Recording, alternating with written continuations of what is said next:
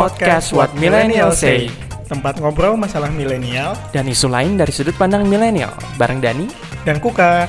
Sok atuh mangga dimulai.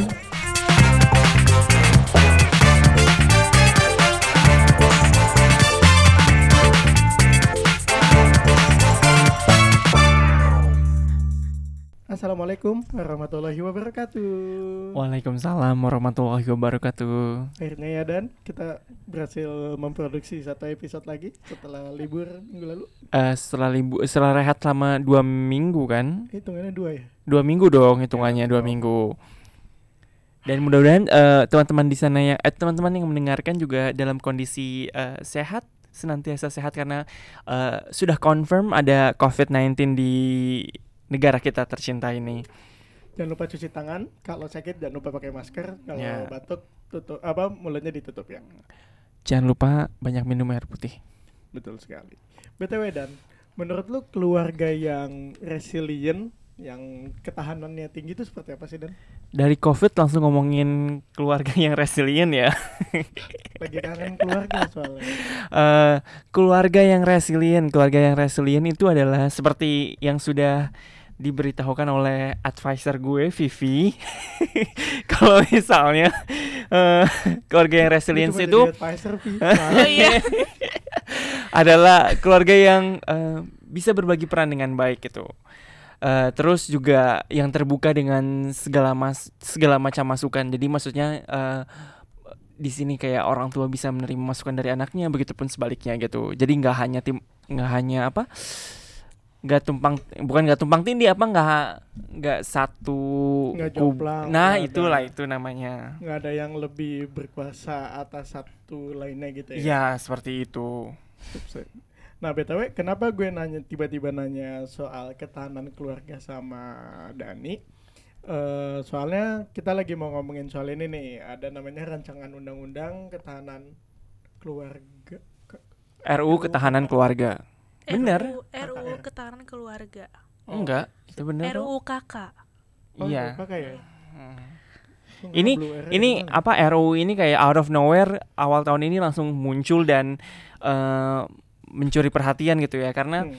beberapa isinya yang bisa bikin bukan hanya apa bukan hanya bikin kita pembacanya itu garuk-garuk kepala tapi juga eh, misuh gitu ujung-ujungnya misuh itu gatel gitu. Ih, gatel nih pengen komen gitu. suara siapa itu Siapa tuh Dan? Coba dikenalkan Dan yang namanya jadi advisor lu itu. eh, di episode ini kita nggak nggak hanya ngobrol berdua kita kedatangan yang mungkin eh, apa kedatangan bintang tamu yang punya kompetensi yang lebih daripada kita berdua untuk berbicara soal sekali. ini. Oke, advisor Vivi silakan. Vivi Iya. ini termasuk salah satu tamu favorit kita ya. Udah Iya. beberapa kali kita undang. Mbak. Iya. Baru beberapa kali. Oh, iya.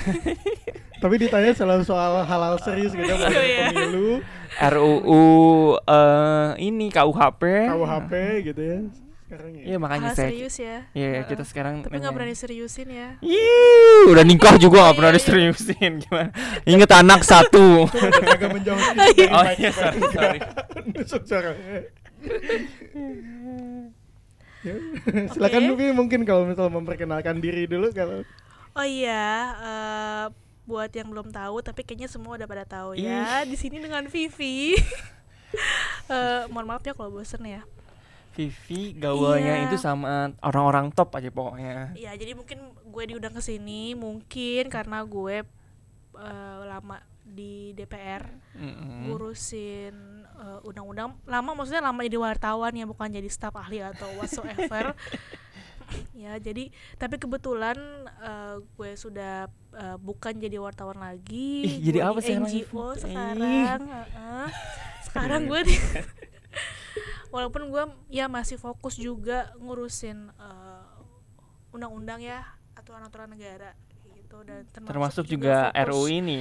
RUU ketahanan keluarga ini karena NGO yang gue bekerja sekarang itu kan mm, bergeraknya di human rights jadi eh, juga concern sama RUU ini karena di RUU ini banyak juga aspek-aspek yang punya potensi melanggar hak asasi manusia terutama perempuan Mhm. Nah, terus kita mau mulai dari mana? Nah, Bahasannya dari langsung ke substansi karena sudah lo tadi sempat nyinggung soal aspek-aspek yang bisa me, apa me apa breaking uh, human rights kan tadi. Yep, yep. Uh, nah, d- coba mungkin bisa disebutkan atau dijelaskan juga uh, aspek-aspek dari RUU ketahanan keluarga ini yang mana sih yang bisa menyinggung bisa bukan menyinggung uh, tadi apa sih bahasa Indonesia-nya kok gue kata breaking human rights Melanggar. ya melanggar hak Ya asasi ampun. manusia Ini campur juga nggak apa-apa kok ala-ala. Breaking human rights ya kita pasti pakai in English ya lebih gampang gitu ya kalau bahasa Inggris.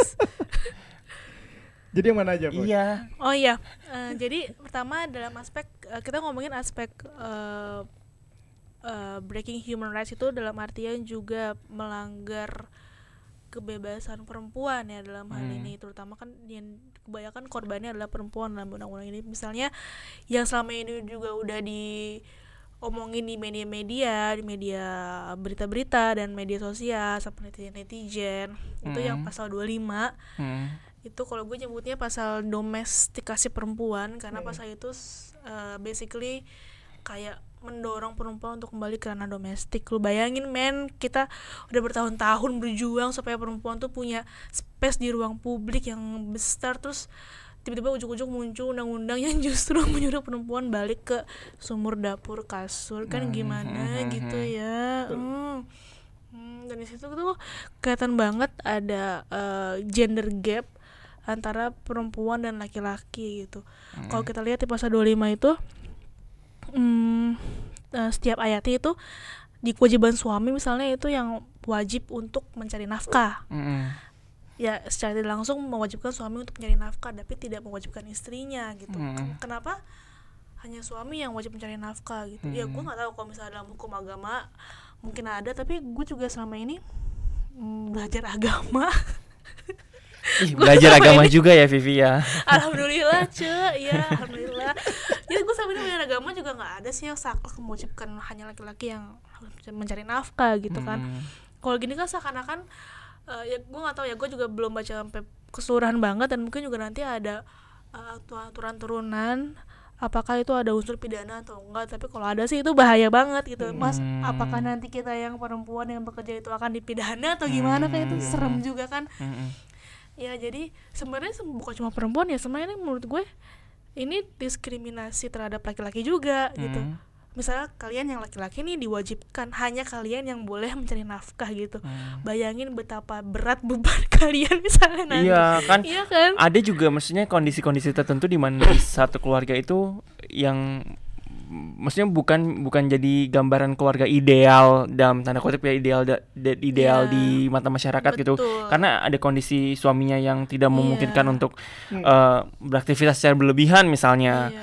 yang akhirnya harus me apa me apa namanya misalnya stay at home ya atau terus ya, dan semua- membuat istrinya yang harus semua jadi tulang punggung Indonesia keluarga nggak semua keluarga Indonesia ini punya kondisi finansial yang sama gitu iya kan iya iya kalau misalnya undang-undang ini mereka tuh nggak lihat kayak misalnya keluarga yang yang bisa terolah suaminya mungkin eh, sorry to say kayak cacat tidak bisa Mm-mm. bekerja kan mau nggak mau istrinya kan yang bekerja itu kan ada kondisi-kondisi seperti itu nggak banyak tapi kan ada pasti yang kayak gitu atau yang mungkin yang udah cerai ce- just istrinya masih menghidupi anaknya mesti bekerja kan dari mana dapat Mhm. biaya kalau kalau kayak gitu harusnya pikiran seperti itu sekarang udah di mana-mana maksudnya seperti itu kondisinya. Kita jangan balik lagi ke zaman dulu yang istri mesti dikekepin di rumah gitu kan. Mhm. dan nggak semest nggak selamanya juga laki-laki tuh mesti jadi pencari nafkah utama.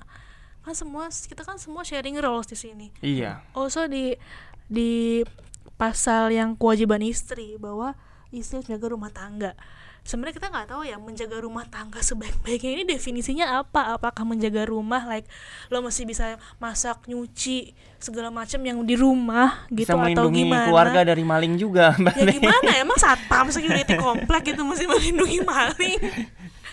Ini kan kita nggak tahu definisinya seperti apa. Itu kayak men Sa- me- apa ya? Mewajibkan perempuan untuk bertanggung jawab. Oh pokoknya kalau rumah kota tanggung jawabnya istri ini kan nggak kayak gitu. Sekarang kan pekerjaan domestik itu kan sharing Iya. sharing role suami juga wajib untuk bantu pekerjaan domestik dan kalau misal kalian mau apa mau ngutip ayat-ayat agama gitu ya gue sih selama ini yang aku gue pelajari ayat agama tuh ya justru domestic roles itu tuh sharing gitu. Mhm, Eh, siapa? Eh, Nabi Muhammad misalnya. Kalau misalnya kita mau ngebahas agama ya walaupun sebenarnya gue nggak suka sih mencampurkan urusan hukum nasional dengan agama. Tapi kalau misalnya mau mengutip mengutip agama ya dalam Islam pun nggak ada tuh eh, pekerjaan rumah itu kewajiban istri. Mhm. nggak ada yang seperti itu. Jadi sebenarnya ini tuh basisnya apa gitu? Bas- basic apa eh, alasan dasarnya itu apa pasal kayak gini gitu Hmm. Dan di yang lucunya lagi adalah di pasal 25 ayat 3 poin B ini eh di yang menjelaskan tentang kewajiban istri adalah ada ada perkata ada pernyataan eh, di mana istri eh, salah satu kewajiban istri adalah menjaga keutuhan keluarga sedangkan pernyataan itu tidak ada di poin-poin yang menjelaskan tentang menjaga apa eh, tentang, tentang kewajiban suami dalam menjaga ketahanan keluarga gitu. Jadi kayak yang menjaga keutuhan keluarganya cuma itu hanya menjadi Istri, tanggung jawab istri saja gitu. Terus nanti suaminya boleh deh ngapa-ngapain kalau misalnya bisa diartikan seenaknya saja gitu ya. Nggak ada definisi yang jelas. Jadi keutuhan di sini maksudnya utuh apanya? Apakah utuh rumah tangganya dalam artian nggak ada perceraian gitu kan? Hmm. Eh, gue pernah ngobrol sama beberapa pengusaha undang- undang-undang ini, RUU ini, katanya memang eh, tujuannya juga untuk mencegah eh, mencegah meningkatnya kasus perceraian karena kan yang data yang mereka kutip adalah perceraian kan makin tahun makin meningkat gitu kan. Jadi mereka dibuatlah undang-undang ini. Nah, kalau misalnya korelasi keutuhan itu adalah mencegah agar rumah tangga tetap utuh, kenapa harus menjadi tanggung jawab perempuan gitu loh? Ma- Emangnya gimana perempuan menjaga keutuhan itu gitu secara konkret? Iya iya. contoh iya. gini hmm, contoh gini misalnya keluarga itu abusive taruhlah eh, contoh suaminya itu KDRT abusive dan nggak mau berubah segala macam terus perempuan mesti menjaga keutuhannya dengan nggak mau bercerai gitu itu kan Hmm. bisa jadi kayak gitu kan konkretnya gitu Iya iya iya. kalau misalnya keluarga itu abusive menurut gua justru perceraian itu jalan terbaik gitu Iya. jangan stay di toxic relationship Iya. gitu bukan justru malah menyuruh istri supaya menjaga keutuhannya dengan apa dengan sabar dengan nerima aja dipukulin udah sabar lah jadi Ya istri namanya juga biar Allah. keluarga kesian anak segala macam lah nggak gitu dong itu namanya kalau gitu mah kelihatannya gue melihat sebagai perempuan gue melihat serem banget loh ini- pernikahan ini gitu gue mesti menjaga gue mesti diapa-apain sama laki gue gue mesti diam aja sabar. Terus gue nggak boleh minta cerai kan kan itu sama sangat mendiskriminasi perempuan nanti jatuhnya kalau kayak gitu. Kalau pemerintah atau pengusul undang-undang ini mau eh, menurunkan angka perceraian bukan dengan menyuruh perempuan sabar di KDRT-in tapi beri beri eh, perempuan dan laki-laki eh, pendidikan keluarga yang setara gitu loh. Sekarang gini KDRT gitu. Terjadi oke perceraian. Eh, penyebabnya apa? Utamanya KDRT misalnya. Mm. kenapa KDRT terjadi? Karena suami dan istrinya tidak bisa berpikir setara gitu. Nggak ada konsep kesalingan dalam rumah tangga. Hmm, tuh jadi konsep ini namanya ada relasi kuasa. Si suami itu merasa superior sehingga dia berhak mengatur ini gini-gini. Kalau misalnya istrinya nggak menolak atau melakukan sesuatu yang tidak disenangi suaminya suaminya berhak memukul. Itu relasi kuasa namanya. Mm-mm. itu penyebabnya kalau mau jangan nyuruh istri buat sabar tapi kasih pendidikan entah gimana caranya ya dalam program apa pun Hmm. Itu mungkin yang konseling sebelum nikah kan sekarang harus ada kan pendidikan Iya, itu. iya. Nah, itu kita bisa ngomongin itu di bab lain lagi, tapi Hmm. masalah konseling pun bukan tujuannya eh, isi konseling itu bukan untuk eh, pendidikan soal kesetaraan dalam keluarga, tapi Iya, masalah iya. ya gue pernah baca apa ya? Eh, masalah tugas suami dan istri juga ujung-ujungnya mas masalah vir- masalah virginity juga sebenarnya itu gue nggak tahu apa korelasinya Lo tuh nikah nggak ada ikut kursus itu ya? Belum ada Eh, belum, ada kewajiban yang, belum ada enggak kursus yang paling dua hari cuma eh, cuma kayak definisi keluarga sakinah apa gitu-gitu doang umum-umum Oh, yang ya itu. udahlah gitu-gitu doang gue nggak datang juga nggak apa-apa Iya. gitu kan nah iya mas maksud gue eh, justru kita mesti na- tanamkan eh, prinsip apa sih mindset kesetaraan gitu Iya. di suami dan istrinya supaya kalau kalau mereka udah bisa berpikir kesetaraan mereka akan mau sharing roles mereka akan Hmm. nggak melihat bahwa pekerjaan itu kewajiban laki-laki jadi mereka dengan sendirinya bisa saling bantu bisa saling nerima dan bisa menghindari KDRT kalau kayak gitu kan Mm, mm, mm, mm.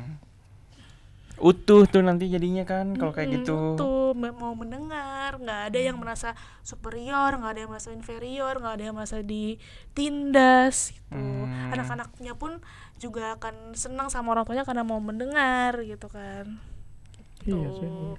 tapi juga banyak juga sih pasal lain yang bermasalah juga di undang-undang ini nih Iya, yang selanjutnya adalah pasal eh, 31 kan.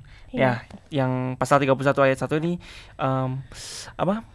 menyatakan bahwa Oh. setiap orang yang dilarang Itu menjual belikan sperma atau ovum, mendonorkan secara sukarela, mene- menerima donor sperma atau ovum yang dilakukan Hmm. secara mandiri ataupun melalui lembaga untuk keperluan memperoleh keturunan. Jadi satu-satunya keturunan satu-satunya jalan untuk memperoleh keturunan yang dibenarkan oleh RUU ketahanan keluarga adalah ya udah lo having sex sama pasangan lo, udah aja, gitu aja. Padahal kan nggak segampang itu kenyataannya itu ya ada banyak tantangan untuk beberapa pasangan yang nggak bisa mempunyai keturunan lewat hanya sekedar having sex dengan pasangannya sendiri gitu. tapi sejauh yang gue pelajarin sih itu melanggar hak atas kesehatan reproduksi sih Yang mana? Yang pasal iya, satu iya, pasal itu 31 ayat melanggar 1 hak hmm. asasi atas kesehatan reproduksi. Jadi, di sini kalimatnya ya menerima donor sperma atau ovum. Jadi kita nggak boleh menerima donor sperma gitu.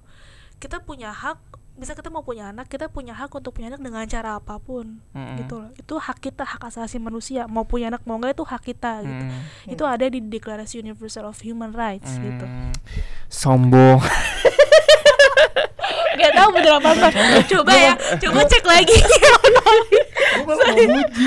Kayaknya dulu waktu Vivi jadi wartawan Omongannya, omongnya nggak bawa deklarasi. iya iya kebanyakan ngetik kayak gitu ya Eh, ham ham gitu pbb pbb gitu cuma itu doang di otak gue ya jadi terus. gitu maksudnya kenapa mesti dilarang gitu kalau Iya, misalnya iya, iya. menurut gue gue mau punya anak tapi gue maunya dengan donor sperma aja gue nggak mau nikah gue nggak mau having sex gitu ya gue berhak kayak gitu nggak Iya. larangan yang dilarang siapa secara agama ya kita nggak ngomongin agama ya sorry guys Mm, iya. ini Iya, ya, iya, iya, konvensional. iya. Mm-mm. kalau mau hukum agama kembalilah eh, dengan ibadah kalian masing-masing Iya gitu kan. aja ya tuh. itu hak itu hak gue mau gue punya ovum gue nggak mau punya anak nih gue nggak mau punya ovum lah ada yang ya mungkin gak banyak tapi ada aja mungkin orang kayak gitu Mm-mm. gue donorkan nih ovum gue ya udah kenapa gitu kan itu, itu kan- membantu itu kan ya. otoritas gue tubuh Iya, iya. gue gitu kenapa mesti negara yang ngatur kenapa negara harus kenapa negara harus ngontrol-ngontrol sperma dan ovum orang gitu loh RUU gue. ketahanan keluarga sekali lagi menunjukkan bahwa apa ada Terlalu semacam privat. keinginan eh, Iya. negara untuk terlalu ikut campur ranah privat kan. kenapa negara mesti masuk ke kamar pribadi orang urusan sperma sama ovum tuh urusan yang punya tubuh masing-masing bukan urusan negara gitu. Benar sekali itu ada kasus korupsi dah selesaikan lah ya pelanggaran ham masa lalu tuh selesaikan lah kenapa lu sekarang malah ngurusin sperma orang sih Iya tuh. Kita nyanyi istrinya Aher. Kuka potong ya. Gak bisa Iya. Gak bisa Dan Potong. Gue gak bisa potong yang itu Dan Nah lo ada lagi guys pasalnya pasal berapa ya gue lupa sebenarnya Tadi bentar contekannya ada oh contekannya ya udah direkap ternyata sama Dani nih ya 33 ayat 2B. tiga tiga Mana ayat yang dua b 33? Ini. itu soal Itu Oh, yang kamar kamar, terpisah. kamar. Ini kan eh, pasal 33 eh, eh, bunyinya Oh. adalah eh, Penurunan aspek ketahanan fisik setiap Kalau ayat 2 kan tempat, Tempat tinggal, tinggal. yang layak huni Oh, jadi- Sebagaimana dimaksud karakteristik antara lain Nah, memiliki ruang tidur yang tetap dan terpisah antara orang tua dan anak serta terpisah antar antara anak laki-laki dan anak perempuan. gue sampai Itu lucu SD juga ya. masih nyatu deh sama kakak gue. ya paling lo dipisahin kalau misal lo ribut sama kakak lo doang iya. kan. Ya maksud gue lucu aja sih. Terus gimana sama orang-orang yang kamarnya cuma satu terus mereka nggak punya uang gitu buat bangun kamar lagi? Ya kan anaknya banyak. Jangan kan Hmm. cuman yang kamarnya cuma satu. Kalau misalnya masih ada keluarga yang tinggal di kos-kosan brek satu ruangan gitu aja. iya yang Hmm. kontrak cuma satu ruangan tuh gimana? Terus apa konsekuensinya mau dipidana gitu? Kan mereka udah nggak punya uang terus mereka dilarang untuk menyatukan kamar ke anak-anaknya terus anak-anak mau tidur di mana di masjid keluarganya nggak utuh kalau gitu ya nanti nggak Iya. sesuai dengan prinsip keluarga. iya Tapi yang kok membuat digal keluarga tidak utuh dan bercerai berai sih ini ini ini aneh sih menurut gue menurut gue gue melihat ada uh, sikap yang tidak simpati daripada para pengusul ini maksud gue gini Hmm. misalnya mereka tahu dong nggak semua keluarga Mm-mm. punya kamar yang banyak tapi mereka juga punya anaknya kan mungkin lebih dari satu cewek Mm-mm. cowok gitu. Terus mereka mesti gimana? Mereka mesti ngumpulin duit juga buat itu. Kok yang kontrak gimana?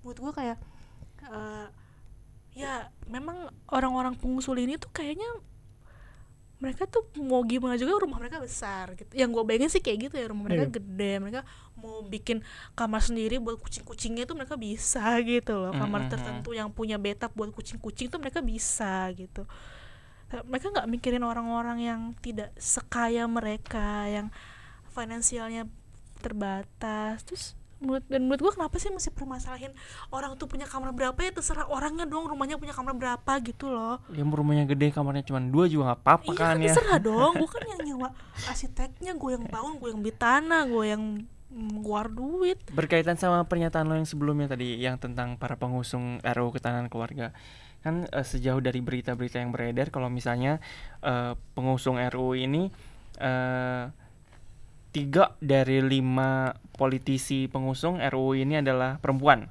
Hmm.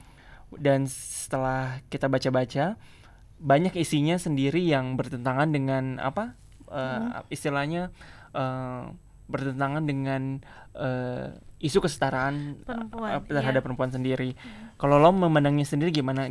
Eh, kenapa sih bisa sampai eh, ada dari kalangan perempuan sendiri yang malah menciptakan sebuah peraturan gitu, malah mempunyai ide untuk menciptakan sebuah peraturan yang tidak Membatasi adil buat mereka sendiri gitu, buat kaum Ya, mereka. ini semua yang yang yang ngedraft ini kan lawmakers ya female Hmm. lawmakers enggak empat dari ini nih female lawmakers ya Hmm. jadi dulu tuh gue pernah bikin uh, artikel tuh soal uh, meningkatnya jumlah female lawmakers yang di DPR. Iya, Hmm. perempuan di DPR tuh gua tonnya positif tapi ternyata begitu lihat uh, praktiknya ternyata that doesn't mean so gitu maksud Jadi angkanya bertambah, tapi Bertambah, tapi sebenarnya untuk tidak tidak tidak menunjukkan tidak ada semangat untuk membuat uh, policies yang uh, apa gender friendly gitu Oke. loh harusnya dengan banyaknya perempuan di DPR tuh kita semakin semangat dong. Oh gini RUU PKS lah katakanlah akan disahkan. Hmm. banyak perempuan yang juga kan sensitif juga kan. Mereka harusnya punya sensitivitas untuk sama perempuan tapi ternyata nggak kayak gitu. Nah itu benar-benar pertanyaan besar ya. Tapi ternyata kemarin gue sempat ngobrol-ngobrol sama beberapa pengusulnya. Emang mereka tuh penekanannya pada uh, alasannya untuk menurunkan jumlah perceraian. Seperti yang gue bilang tadi kan alasannya walaupun menurut gue alasan utamanya tadi Alasan utamanya karena banyak perceraian terus jadi banyak anak-anak yang eh eh, terlantar gitu-gitu jadinya. Ya menurut gue juga sebenarnya gue gue kan ya maksudnya mereka kan orang DPR lah ya mereka juga pasti berpendidikan tinggi sekali itu lebih tinggi dari gue gue kan masih berpendidikannya se- segitu-gitu aja gitu kan. Kan. Kalau Gitu. Statistiknya kan mereka bahkan ada beberapa yang cuma lulusan SMA kan. oh gitu. Nggak tapi masalah. paling kan mereka mereka punya staf ahli yang Iya berpendidikan gitu. Harusnya mereka tahu itu tuh bukan nggak nggak koheren untuk hal seperti itu gitu. Eh, terus juga yang kedua itu yang pertama tadi alasannya mereka adalah um, menurunkan angka perceraian yang kedua itu adalah em, alasan ini sih eh, lebih ke agama juga. Karena mereka kan sorry to say but most of them are Muslims gitu. Jadi Hmm. uh, gue tidak menegasikan agama tertentu karena gue Hmm. juga muslim di sini. Tapi ya kenyataannya seperti itu gue ngobrol sama mereka gitu maksud gue jadi uh, gue cuma menyampaikan faktanya gitu Jadi mereka ingin membuat sebuah peraturan yang sesuai dengan kaidah yang mereka yakini Iya, gitu kaidah ya syar'i. Oh. ya nggak apa-apa kalau mereka mau menerapkan syari dalam keluarga mereka tapi jangan nggak usah Di- dituangkan nggak usah di undang-undang nasional segala nasional. gitu. undang-undang agama menurut gue agama masing-masing itu nggak bisa sepenuhnya diterapkan di undang-undang universal Hmm. karena undang-undang nasional itu mesti bersifat universal nggak bisa yang berpicu pada eh, tapi di muslim mesti di agama Islam kayak gini di Kristen kayak gini nggak bisa. Lu mesti lu mesti juga merangkul mereka yang istilahnya tidak percaya agama gitu kan. Mm. nggak bisa yang ini yang agama ini doang nggak bisa kayak gitu. Nah itu dia yang bikin RUU ini jadi kayak timpang kan. Iya. karena tidak ada prinsip universalitas di situ. Jadi timpang eh, kontennya gitu kan Kayak gitu sih yang gue tangkep tapi juga eh, teman-teman eh, kelompok-kelompok feminis itu lebih merasa bahwa RUU ini sebenarnya alat untuk mengcounter RUU PKS. Jadi. Mm-mm. Jadi, kayak apa nama eh, ini aja yang didorong gitu ya supaya Iya, per iya. PKS nanti di Iya, bayangin gitu ya. berapa perjuangan para teman-teman feminis untuk misalkan RUU PKS kan. Salah satunya ini salah satu mm, drafternya RUU Ketahanan Keluarga itu kan ada namanya mm, Pak Sodik. Seki, Pak bukan Pak Ali Taher kalau nggak salah. Oh, Oh iya iya Heeh. yang part Iya, itu Apa? kan dia itu kan ketua Komisi 8. hmm. gue gak tau dia masih ketua apa enggak pokoknya pas gue pas di DPR sih dia masih ketua komisi 8 dia tuh kalau nggak salah pernah bilang "E, gimana kalau RUU ketahanan keluarga ini buat gantinya RUU PKS gitu dong. Ya itu mah sama kan sama apa? Berlawanan sangat 180 berlawanan, derajat iya. banget. oh iya dan satu lagi ya. Mereka tuh juga kayak punya agenda untuk mengkriminalisasi kelompok LGBT loh. Iya. Jadi di RUU itu kan ada kalau nggak salah, eh, kalau nggak salah masih di pasal 25 tadi, pokoknya menjaga anak-anak dan keluarganya terhindar dari Iya di kewajiban suami itu Heeh, tadi Oh, ada. untuk terhindar dari eh, orientasi penyimpangan seksual kalau nggak salah. itu kan akan secara nggak langsung akan ada persekusi terhadap LGBT misalnya nih, orang tua nih tahu anaknya LGBT anaknya entah anaknya ngaku atau orang tua tahu sendiri terus bisa dipidana dong nanti. Mm. bayangin dong kalau kayak gitu. Jadi makin makin eh, represif terhadap kelompok Jadi minoritas. pasal 25 ayat 2 eh, poin B ini kan yang menjelaskan tentang kewajiban suami. Dia apa berbunyi seperti kayak melindungi keluarga dari diskriminasi eh enggak salah, melindungi di benar Enggak benar, melindungi Iya, keluarga ancaman. dari diskriminasi, kekejaman, kejahatan, penganiayaan, eksploitasi, penyimpangan seksual dan pe- penelantaran. Hmm. Padahal di di kayak di frase pertamanya kan melindungi keluarga dari diskriminasi, sedangkan dilanjutkan ada penyimpangan seksual itu kan Iya, udah bertolak belakang. iya bertolak belakang kan banget. itu diskriminatif banget itu kalau kayak gitu misalnya anaknya eh, sekarang aja kita nggak punya dasar hukum yang, yang seperti itu tuh udah diskriminatif gitu kan. Mhm. secara norma sosial gimana kalau ada dasar hukumnya untuk Hmm. mengkriminalisasi itu? Bayangin dong. Betapa bahayanya. Inilah aspek-aspeknya kenapa gue bilang bahwa ujung-ujungnya undang-undang ini tuh melanggar hak asasi manusia. Nggak cuma melanggar bukan melanggar sih nggak cuma sangat patriarki ya sifatnya. Nggak cuma me- membatasi ruang gerak perempuan tapi juga eh, mendiskriminasi kelompok-kelompok minoritas LGBT kan? Seperti itu. Dan melanggar juga tadi hak atas kesehatan reproduksi. Dan out of nowhere kan ini juga tiba-tiba masuk kayak program legislasi nasional, sedangkan di satu sisi juga banyak ada RU-RU yang eh, seharusnya lebih jadi prioritas gitu dan belum dan apa kejelasan nasibnya juga belum ada gitu kan ya. Kayak RU tadi yang sempat disinggung adalah penghapusan kekerasan seksual. Jadi Iya. emang bikin gemes gitu jadinya tuh. Terus saya sahin aja dulu ya Rup, ke, apa PKS pakai segala muncul-muncul tapi eh, yang mau gua eh, kasih tau juga di sini jadi jangan terlalu takut dulu sih sebenarnya karena oke lah memang itu tiba-tiba udah ada di program prolegnas Hmm. prioritas loh Hmm. sama RUU PKS juga ada cuma Nah, tapi eh, sejauh gua ngobrol sama daftarnya memang masih agak mentah sih jadi eh, belum masuk ke DPR juga DPR juga belum ada draftnya pemerintah juga belum punya draftnya ini benar-benar masih di pengusulnya ju- dulu digodok Eh, mereka juga katanya belum mm, belum mengundang eh, teman-teman aktivis segala macam buat minta masukan ini sebenarnya masih mentah banget dan Jadi baru dari lawmakersnya aja ini. Iya, ya. dari pengusulnya aja itu Hmm. mereka itu itu aja. Jadi belum bahkan belum ke fraksi-fraksi lain juga. Mereka mereka sih bilang mereka akan buka peluang untuk eh, masukan dari eh, berbagai pihak gitu. Walaupun sebenarnya dari draft aja udah bahaya banget, tapi oke lah kita sebagai warga negara yang baik dan rajin menabung kita tunggu tunggu aja gimana eh, nanti mereka mau merubahnya. Jadi eh, tone positif gue di sini adalah uh, masih terbuka ruang yang amat sangat luas agar draft ini tuh bener-bener diubah kontennya terutama konten-konten diskriminatif atau kedua bener-bener di drop Iya benar. masih ada peluang seperti itu jadi tenang aja gitu Lo juga bukan ngasih yang besok bakal disahin di undang-undang gitu enggak tenang aja guys Lo ngasih masukan juga dong ke Oh, iya. lawmaker pengusulnya itu. oh iya Sebagai nanti aktivis iya ya. memang gue memang Kan sesama ece-ece kan. Ece-ece Iya, ini ketemu emang gue terus. emang ada agenda untuk eh, em, kemarin eh, beberapa p- pengusul itu udah ngundang gue da- atas atas nama institusi Ah. itu untuk eh, kasih masukan buat eh, undang konten undang-undangnya. lo sampaikan unek-unek kita gitu ya tentu ya. aja sebenarnya nggak cuma institusi gue doang ya kan banyak eh, kelompok-kelompok lain NGO lain atau kelompok lain itu yang juga punya pemahaman serupa dan mereka juga mau bersuara gitu makanya kita tunggu nih kita tunggu nih para pengusulnya buat buka ruang buat kita ini buat ngasih masukan gitu loh. Karena undang-undang ini kan berlaku nggak cuma buat lo lo lo doang yang ngusul itu buat kita juga gitu kan. Dan sama-sama perempuan toh kalau misalnya mereka yang di DPR misal undang-undang ini lolos tuh yang dirugikan juga perempuan-perempuan di DPR mereka masih balik ke rumah gitu. Iya, jadi udah aja ya kosong udah aja. gitu nggak udah aja gitu. Perjuangan kita sama ini untuk meningkatkan keterwakilan perempuan di DPR tuh ke mana perginya tuh Kok bisa-bisa di Senayan nggak ada, Nggak ada. anggota DPR nggak cewek ada nggak ada lah gimana tuh Iya, nanti nggak ada yang mimpin sidang kayak Cepopon gimana dong?